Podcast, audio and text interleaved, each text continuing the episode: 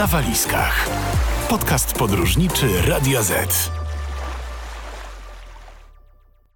Nina Czochara, dzień dobry. Dzisiejszy odcinek podcastu na walizkach będzie prowadzony w nieco chłodniejszym klimacie. Przenosimy się bowiem na odległy, mroźny zakątek, którego ponad 80% powierzchni zajmuje lądolud. Mowa o Grenlandii, czyli największej niekontynentalnej wyspie świata. Moim i Państwa gościem jest Adam Jarniewski, który od kilkunastu lat mieszka w miasteczku Sisimiut na Grenlandii, prowadzi stronę Poznaj Grenlandię i jest autorem książek podróżniczych o tej wyspie. Witam serdecznie, cześć. Cześć, witam, witam wszystkich słuchaczy. Nie mieszkam w Iglo. Książkę właśnie o takim tytule wydałeś cztery lata temu, chcąc niejako odpowiedzieć na pytanie, które regularnie słyszałeś, gdy tylko pojawiałeś się w Polsce. Czy od tego czasu udało ci się przekonać bliskich, znajomych, że naprawdę nie mieszkasz w Iglo? Z tym iglo to chyba jest trochę taki stary stereotyp. Dzisiaj, dzisiaj żyjemy w erze internetu, gdzie po Grenlandii możesz sobie pochodzić za pomocą Google Street View i już raczej, raczej ten stereotyp y, nie jest tak często spotykany jak kiedyś. Kiedyś był bardzo często, ale za to jest, jest wiele, no, wiele nowych powstało i no i ciągle staram się jakoś pokazywać tą, tą taką stronę Grenlandii. Ja, z, ja z, ze swojej strony Y, taką Grenlandię, jak gdyby nasze życie codzienne i, i taką normalność, bo ja zawsze jak opowiadam o Grenlandii, to podkreślam, że życie na Grenlandii niewiele różni się od tego w Polsce. Y, różni się często tylko widokiem z okna i może za często, za często koncentrujemy się na różnych różnicach, a za mało uwagi poświęcamy podobieństwom. Świat się trochę zmienił. Jak ja wyjeżdżałem na Grenlandię 16 lat temu, to internet, szczególnie ten grenlandzki, był bardzo ubogi i naprawdę trudno było znaleźć jakieś informacje. Dzisiaj tych informacji jest mnóstwo. E, rusz, ruszył także, ruszyła także turystyka. E, na Grenlandię przyjeżdża też trochę reporterów i z Polski i, i dziennikarzy.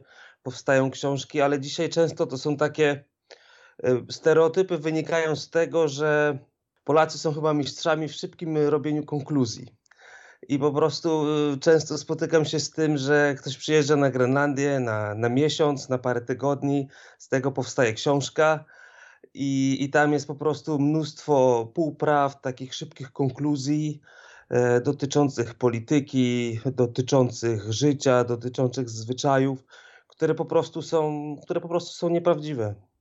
W Twoim przypadku jakby weryfikowanie tych e, wszystkich stereotypów, wyobrażeń jest e, na pewno bardziej rzetelne z racji tego, że mieszkasz y, na Grenlandii od 16 lat, jak wspomniałeś. I moje pytanie brzmi, jak to się stało, że w ogóle trafiłeś do tego miejsca? Ta cała historia moja grenlandzka zaczęła się w 2002 roku chyba.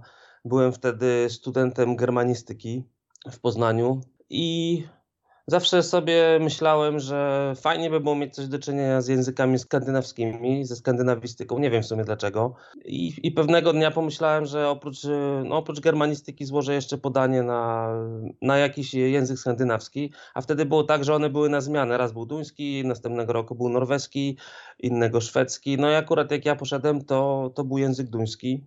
I, I tak zacząłem studiować skandynawistykę. W 2004 roku Polska weszła do Unii Europejskiej, świat się otworzył, y, mogliśmy zacząć wyjeżdżać nagle i postanowiłem wyjechać na, y, na stypendium do Danii, do takiego Uniwersytetu Ludowego. To jest taka szkoła z internatem, ona w sumie nie daje żadnych kompetencji. Różne przedmioty dziwne tam miałem, od garncarstwa przez psychologię i interpretację snów. No i tam poznałem swoją obecną żonę, która, która pochodzi z Sisimiut. Tu trzeba może powiedzieć dla słuchaczy, którzy nie wiedzą, że Grenlandia jest częścią Danii. No i od słowa do słowa poznaliśmy się lepiej i szkoła się skończyła. Nadszedł czas rozjazdów i obecna żona została w Danii, ja wyjechałem. No ale spotykaliśmy się ciągle, ciągnęliśmy to na dystans, ale nagle pewnego dnia żona powiedziała, że wraca, wraca do domu, wraca na Grenlandię, że tęskni e, za rodziną, za, za górami, za przestrzenią. I tak to rozstaliśmy się, ale pewnego dnia obudziłem się rano i zobaczyłem, spojrzałem na telefon. Tam było kilkanaście nieodebranych połączeń z grenlandzkiego numeru i od razu się domyśliłem, co to znaczy. E, Birte była w ciąży i trzeba było, trzeba było zadecydować, co zrobić. Spakowałem plecak i wyjechałem do Sisimiut i tak zostałem. Ja tam po prostu pojechałem w celach, można powiedzieć, matrymonialnych. A czym zajmujesz się na miejscu? Ja jestem nauczycielem, pracuję w szkole średniej obecnie, uczę, uczę angielskiego, uczę niemieckiego, no i różne inne rzeczy też robię. Trochę pracuję jako przewodnik. Na Grenlandii bardzo szybko można zacząć zajmować się rzeczami, których, których nigdy byś się nie spodziewał. Właśnie miałam o to pytać, czy jakby łatwo zacząć życie, właśnie się odnaleźć w tym nieco odmiennym klimacie, w odmiennej kulturze?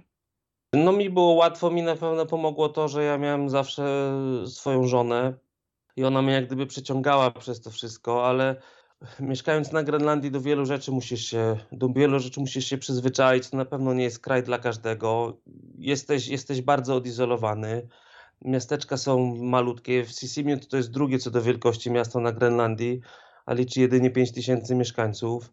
Nie ma, nie ma sieci dróg między miastami, także to wszystko jest odizolowane. Statek, statek, który dostarcza nam towary, przypływa mniej więcej raz w tygodniu, jak może wpłynąć. W zimę są często takie tygodnie, że po prostu nie ma żadnych dostaw. Także do tego, do wielu rzeczy musisz się przyzwyczaić, ale, ale w zamian za to też Grenlandia coś, coś daje, tak? Daje, daje jakieś takie ogromne przestrzenie puste, daje taką wolność, której, której w Europie już, już chyba nie zaznasz. Pewnie też z uwagi właśnie na to położenie, ale jeszcze wracając do tych rzeczy, do których może nieco trudno się przyzwyczaić, albo które potrafią zaskoczyć, to co dla ciebie było takim największym zaskoczeniem, jak zacząłeś e, poznawać to miejsce?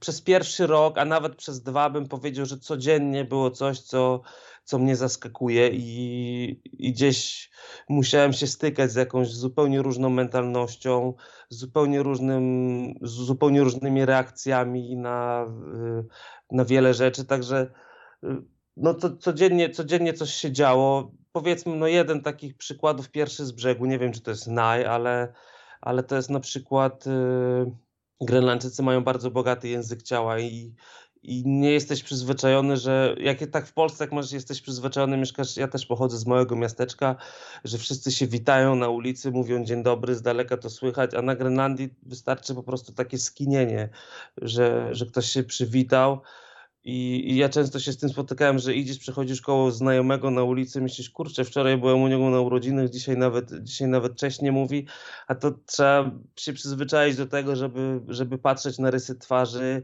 e, na brwi, na nos, e, e, bo, bo bardzo dużo komunikacji jak gdyby odbywa się niewerbalnie i to, to jedna z takich różnic, tak? Tylko ja miałem to szczęście, że, że mi żona to bardzo szybko tłumaczyła a dużo osób tu przyjeżdża i nie mają takiego luksusu i muszą po prostu z tym, z tym się stykać i z tym, no, z tym walczyć na co dzień, z tymi wszystkimi różnicami. A czym wyróżniają się Grenlandczycy, jeśli chodzi o, właśnie takie cechy charakteru? Bo być może błędnie, ale z uwagi właśnie na ten chłodny klimat, yy, można przypuszczać, że mieszkańcy Grenlandii są raczej zamknięci, ostrożni, zdystansowani, jak jest naprawdę.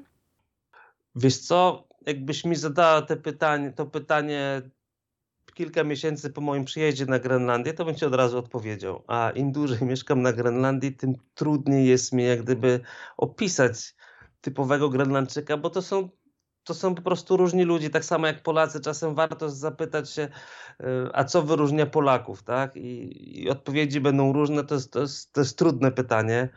Y, ale jeżeli mógłbym się odnieść do tego jak gdyby zdystansowania, o którym mówiłaś, y, Grenlandczycy mogą być często bardzo zdystansowani wobec przyjezdnych, a to dlatego, że na Grenlandię bardzo dużo przyjeżdża takich jak gdyby jest bardzo duży przemiał siły roboczej. Bardzo dużo ludzi przyjeżdża na, na rok, na dwa lata, na trzy lata, na kontrakty, najczęściej ze krajów skandynawskich, najczęściej z Danii.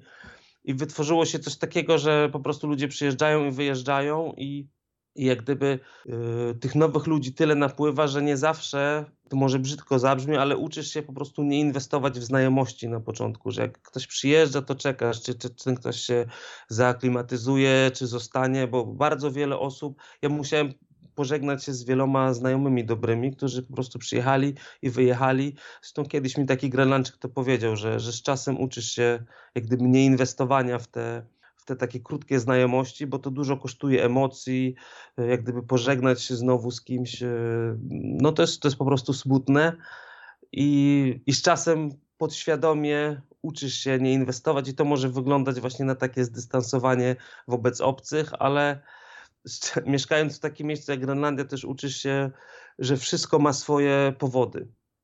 I to jest właśnie to, jest właśnie to, to jest chyba powód tego, że, że, że Grenlandczycy czy mieszkańcy Grenlandii mogą się wydawać zdystansowani wobec nowo przyjezdnych, a taki jest właśnie tego powód, bo nie wiadomo, czy oni y, za półtorej roku nie wyjadą i, i tyle. A jeszcze pozostając przy temacie mieszkańców, to wyczytałam, że określenie Eskimos jest obraźliwe dla Grenlandczyków. Czy rzeczywiście tak jest? To jest takie ogromne, ogromne uproszczenie. Eskimosi to jest jak gdyby to stare określenie na, na ludy arktyczne. Tak? Dzisiaj się mówi, że, że ono jest niepoprawne politycznie, bo ono znaczy, znaczy ci, którzy jedzą surowe mięso, ale problem w tym, że wyjaśnienie, to jest jak gdyby ta etymologia, to wyjaśnienie etymologii tego słowa, które naj, najba, najbardziej się przyjęło, a są jeszcze dwie.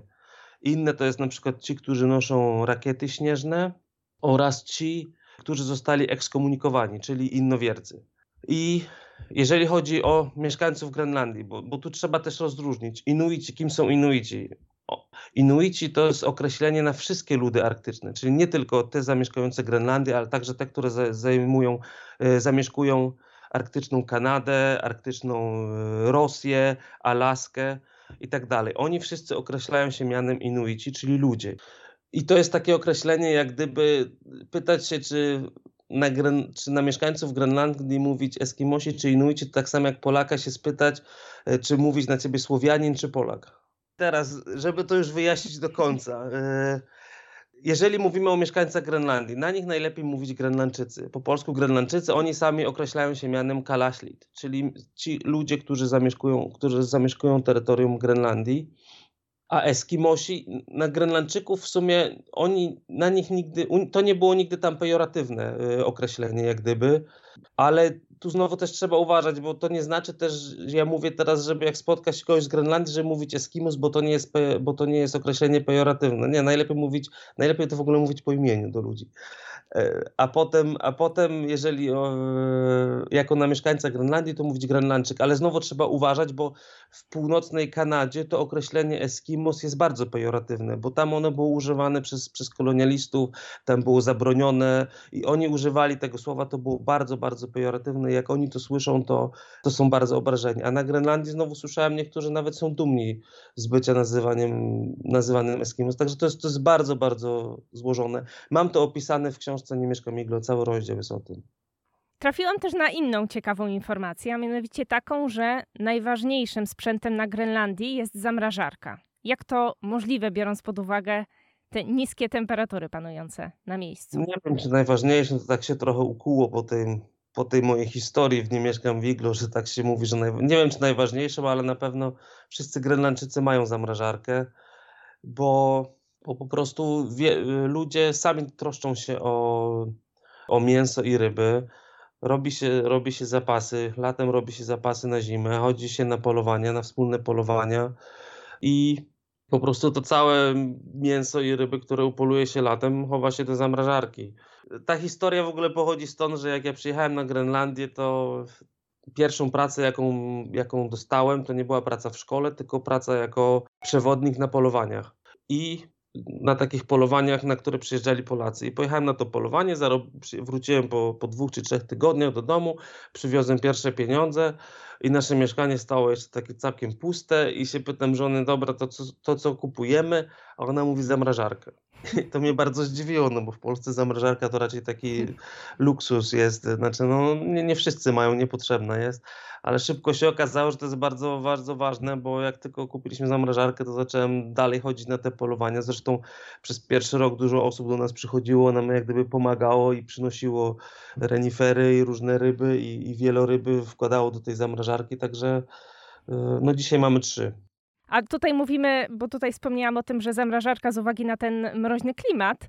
I tu chciałam Ciebie zapytać, czy nie było dla Ciebie właśnie wyzwaniem przyzwyczajenie się jednak do tego chłodniejszego klimatu na początku? Nie, dzisiaj tak prawdę mówiąc, to ja na, na Grenlandii mniej marznę niż, e, niż marzłem będąc studentem w Poznaniu, bo pierwsze co robisz na Grenlandię, przyjeżdżając na Grenlandię, to kupujesz dobre ubranie. Także bardzo szybko musisz zainwestować w, dobre ubranie, a poza tym nauczyłem się, że przed zimnem bardzo dużo łatwiej się schronić niż przed gorącem. I dzisiaj, dzisiaj, kiedy jest tak gorąco w Polsce, to ja naprawdę, jak jestem latem w Polsce, to nie wiem, chodzę z kąta w kąt, nie wiadomo, nie wiadomo co z sobą zrobić a przed zimnem zawsze możesz wejść do domu albo po prostu lepiej się ubrać. Także to zimno nigdy nie było dla mnie jak gdyby wyzwaniem. Dzisiaj, dzisiaj dużo lepiej to znoszę niż, e, niż upały. A jakiej najniższej temperatury doświadczyłeś na miejscu? Myślę, że gdzieś z minus 40. No to minus to 40 sporo. to zależy też jak na to patrzysz, czy odczuwalna, nieodczuwalna. Ja tego, ja tego nie mierzę. To jest takie minus 40 na minus 40 na termometrze to jednak trzeba przyznać, że tutaj te ciepłe ubrania są na pewno przydatne. No jak jest minus 40 to na pewno się przydają, ale też trzeba powiedzieć, że to zimno na Grenlandii inaczej się odczuwa, mniej się odczuwa niż w Polsce, bo jest suche powietrze. W Polsce jak jest minus 20 to już tak bije po kościach, już to zimno po prostu przechodzi przez całe ciało, przez, bo, jest, bo jest duża wilgotność powietrza, a na Grenlandii to minus 20. Oczywiście ono jest tak samo niebezpieczne, także paluszki odmarzną, ale, ale inaczej się to odczuwa. Słuchasz podcastu podróżniczego Radia Z. Chciałabym teraz porozmawiać o Grenlandii bardziej pod kątem turystycznym. Wspomniałeś, że jesteś przewodnikiem. Wiem, że też e, organizujesz takie wycieczki po Grenlandii dla mniejszych grup. Czy często zgłaszają się turyści z Polski? Bo ten kierunek nie wydaje się takim popularnym celem wyjazdowym. Ostatnio bardzo często. Ostatnio bardzo często dużo Polacy szukają takich kierunków bardziej, bardziej egzotycznych. Grenlandia można powiedzieć jest, y, jest trochę dla tych ludzi, którzy już prawie wszędzie byli, ale też wydaje mi się, przez w ostatnich latach zauważam, że, że w lato Polacy już szukają jak gdyby tych zimniejszych kierunków, bo, bo naprawdę jechać dzisiaj do Turcji latem to jest, to jest, e, to jest spore wyzwanie, także miałem naprawdę też grupy, które przyjeżdżały na Grenlandię latem, żeby uniknąć, żeby uniknąć tych upałów. Ale, ale coraz więcej, coraz większe jest zainteresowanie tym krajem. Czyli częściej przyjeżdżają latem niż zimą, tak? Tak, mimo że mi się wydaje, że na Grenlandię najlepiej jechać zimą, bo wtedy można zobaczyć tą jak gdyby prawdziwą Grenlandię, ale jakiś, nie wiem, chyba taki strach jest yy, jeszcze w, w, Polsce, że ludzie, ludzie się boją, starają się uniknąć i przyjeżdżają latem. A co pokazujecie w czasie takiej wycieczki? Powiedzmy zimą, bo powiedziałeś, że wtedy twoim zdaniem można poznać prawdziwą Grenlandię. To znaczy, y, po pierwsze, będąc turystą na Grenlandii, trzeba pamiętać, że Grenlandia jest ogromna i, i nie da się całej zobaczyć, jest też bardzo różnorodna. Tu, gdzie my mieszkamy, to jest, y, to jest tak jakby zachodnia, zachodnia część Grenlandii, tak w środku mniej więcej. Ja mieszkam w gminie, która się nazywa Kakata, czyli na środku Grenlandii. Największymi atrakcjami zimą to są chyba psie zaprzęgi. Takie, mm, trzeba też, trzeba też dodać, że jeżdżenie psimi zaprzęgami na przykład na Grenlandii i w Norwegii i w Finlandii to jest zupełnie, zupełnie, inne, zupełnie inne doświadczenie. Także to są psie zaprzęgi, na pewno to jest zorza polarna. No i generalnie i to jest i zimą i latem taka, taka dzikość, taka pustka. Pamiętaj, że na Grenlandii jak tylko wyjdziesz, wyjdziesz z Sisimiut, wyjdziesz na rogatki miasta, to masz prawie 200 kilometrów po prostu pustkowia i, i możesz iść, mogę mogę zabrać cię w takie miejsce bardzo blisko Sisimiut, gdzie mogę ci zagwarantować, że przez, przez tydzień nikogo nie spotkamy, tak? Także, także na pewno to takie pustkowie jest, jest, jest atrakcyjne, taka cisza, której już tutaj w Europie nie usłyszysz nigdzie. No myślę, że to jest dobry właśnie kierunek, żeby uciec od tego ciągłego pośpiechu, tłumów, to na tak, pewno. Tak, niektórzy też są, też miałem takich turystów, którzy po prostu chcieli żeby zabrać ich w takie miejsce, gdzie naprawdę nie będzie tego zasięgu telefonicznego i nie będzie można sprawdzać maila. Po prostu nie ma takiej możliwości i koniec. Wszyscy dzisiaj jesteśmy przyzwyczajeni, że mimo, że jesteś na wakacjach, to wieczorkiem w, w maila i tak trzeba zajrzeć i, i to czasem może zepsuć humor. A na Grenlandii bardzo łatwo zabrać w takie miejsce, że po prostu nie, raz, że nie ma zasięgu telefonicznego, a dwa jest tak zimno, że bateria nie wytrzymuje. Czyli można się odciąć od wszystkiego. A co jeszcze, jeśli chodzi o atrakcje oprócz zorzy polarnej i psich e, zaprzęgów? Dzisiaj też na przykład skuter śnieżny, taki bardzo popularny, zrobił się dla turystów i to też jest takie no, jeżdżenie po takich pustkowiach, po, po miejscach, po, po lodzie, po fiordach, po fiordach zamarzniętych. Można też oczywiście spróbować takich bardziej klasycznych rzeczy, jak narty. Koło Sissimit jest bardzo, bardzo dużo tras takich do, do narciarstwa biegowego. No i oprócz tego jest też no, oglądanie zwierzyny, woły piżmowe, renifery. Tylko tu też trzeba pamiętać, że to nie, jest, to nie jest safari. Grenlandia to nie jest safari w Afryce, że wsiadasz w samochód i po lewej masz żyrafy, po prawej lwy, a tu jeszcze jakiś tygrys sobie leży. Na Grenlandii nie jest dużo, dużo mniejsza gwarancja na, na zobaczenie tej zwierzyny przez, przez, trudną, przez trudną dostępność do, do tego. Także na to też trzeba się, na to, na to też trzeba się nastawić, że i to jest w sumie też ciekawe, że na Grenlandii nie ma, nie ma na nic gwarancji, nawet na to, że samolot poleci tego dnia, którego powinien. A powiedzmy, że chciałabym się zdecydować na taką zorganizowaną wycieczkę na Grenlandię. Jak najłatwiej się tam dostać i ile to kosztuje? Najłatwiej, nie ma dużego wyboru, bo na Grenlandii, Grenlandia to jest, y, to jest y, ogromny kraj, gdzie mieszka jedynie 56 tysięcy ludzi i wszystko, wszystko jak gdyby ta demografia i geografia determinuje wszystko. Y, wszystkie jak gdyby aspekty naszego życia. Także to, jak się poruszamy. Także na Grenlandii nie ma miejsca ani na dwie sieci telefoniczne, mamy tylko jedną.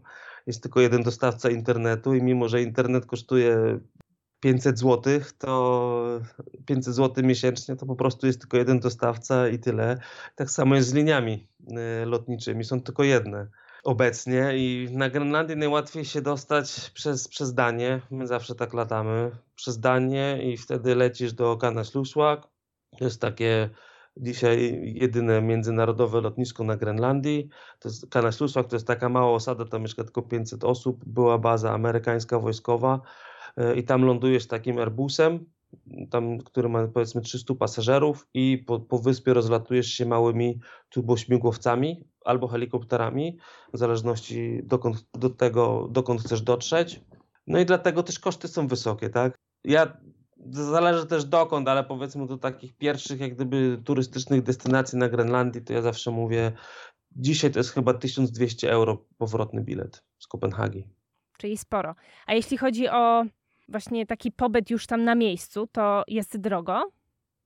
Jest drogo. Jest drogo. Trzeba liczyć, trzeba liczyć tak jak Skandynawia, plus 20%.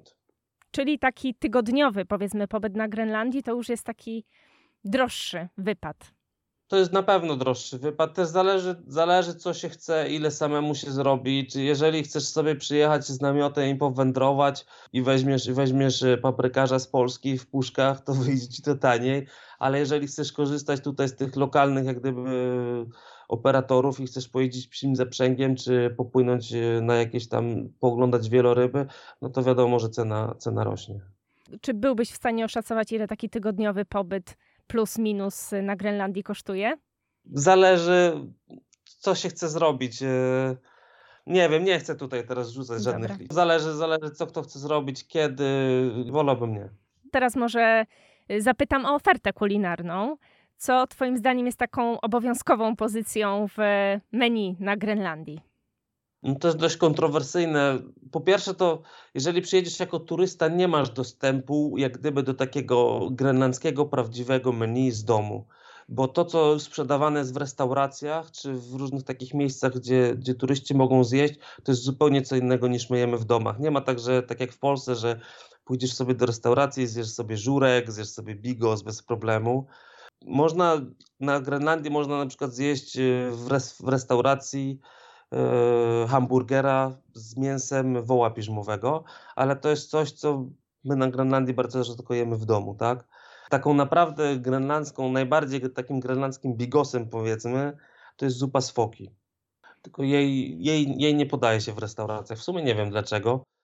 My na przykład w Sissimit jemy bardzo dużo renifera, bo u nas jest dużo reniferów, sami na nie polujemy i no i wiadomo, z renifera robimy najróżniejsze rzeczy. Robimy zupę, ale robimy też lasagne, robimy pizzę z mięsem renifera. E, oprócz tego z takich bardzo grenlandzkich rzeczy, no bardzo dużo tych ssaków morskich się je. To są wieloryby, to są morsy, już, już wspominałem o fokach, ale je się też sporo krewetek, e, je się kraby, Co jeszcze? No tak już mówiłem, woły piżmowe, różne ptactwo morskie, edredony, nurzyki, Dużo ryby to są głównie dorsze, dużo dorsza się je, ale są też zębacze, są też halibuty, w, w zależności od, od rejonów, gdzie się mieszka. Także to menu, taką wyprawę kulinarną, jakby się chciało zrobić, to, to musiałby być dość długi pobyt. Na pewno nie jest to miejsce dla wegetarian. Nie jest to miejsce dla wegetarian. Ja widziałem na Grenlandii wielu wegetarian, którzy, którzy przyjechali tutaj i bardzo szybko przekonwertowali na, na dietę mięsną z powrotem. A chciałam jeszcze, y, wracając do tematu wycieczek na Grenlandię, zapytać o to, jak wygląda oferta noclegowa na miejscu. Czy jest tam dostępnych sporo miejsc noclegowych? Na pewno w ostatnich latach oferta się powiększyła i łatwiej to wszystko zabukować, bo działa i Booking, i, i, Airbnb, te wszystkie takie platformy, y, jak gdyby znane, działają, ale, ale lepiej planować w dobrym czasie, bo, bo naprawdę spotykałem się z z sytuacjami, gdzie w, w, sezonie turystycznym miesiąc czy dwa miesiące przed, przed przyjazdem to już, jest, to już się za późno robi, żeby, żeby znaleźć coś, coś dobrego. Ale rozumiem, że nie nocuje się w iglo. Nie. Można, można jak, się, jak się odpowiednio zapłaci, to można i przenocować w iglo. A, czyli jest taka możliwość.